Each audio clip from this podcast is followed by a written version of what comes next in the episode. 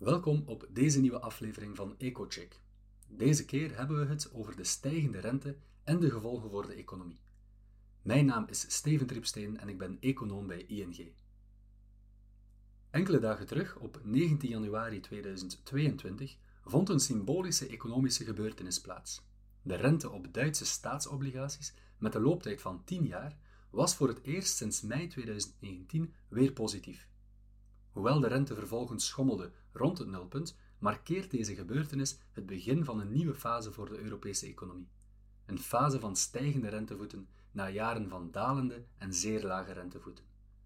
In maart 2020 had de Duitse tienjaarsrente het dieptepunt van min 0,70% bereikt, wat betekent dat beleggers 70 cent aan Duitsland moesten betalen om 100 euro aan Duitse schuld aan te houden.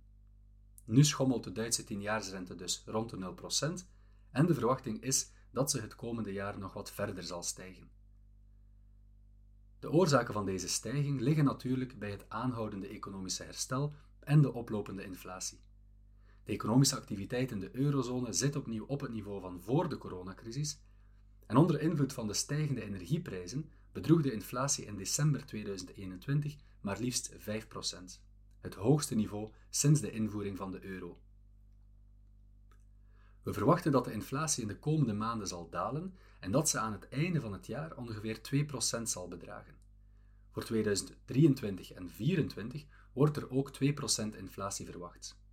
En 2% inflatie op middellange termijn is net wat de Europese Centrale Bank nastreeft. Gezien deze inflatievooruitzichten is de Europese Centrale Bank dan ook van plan om haar monetaire steun aan de economie geleidelijk aan af te bouwen. Eerst door haar maandelijkse aankopen van financiële activa te verminderen, daarna is het waarschijnlijk dat de ECB haar belangrijkste rentetarieven zal verhogen, waarschijnlijk in 2023. De toename van de rente heeft gevolgen op verschillende vlakken.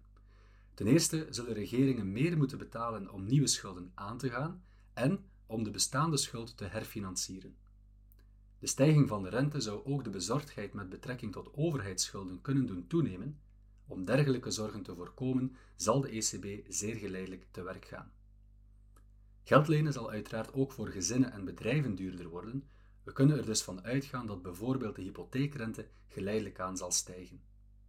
Zo, dit was de ecocheck van deze week. We kunnen concluderen dat de toenemende rentes waarschijnlijk zijn doorheen 2022 door de goede groeivooruitzichten en de inflatievooruitzichten.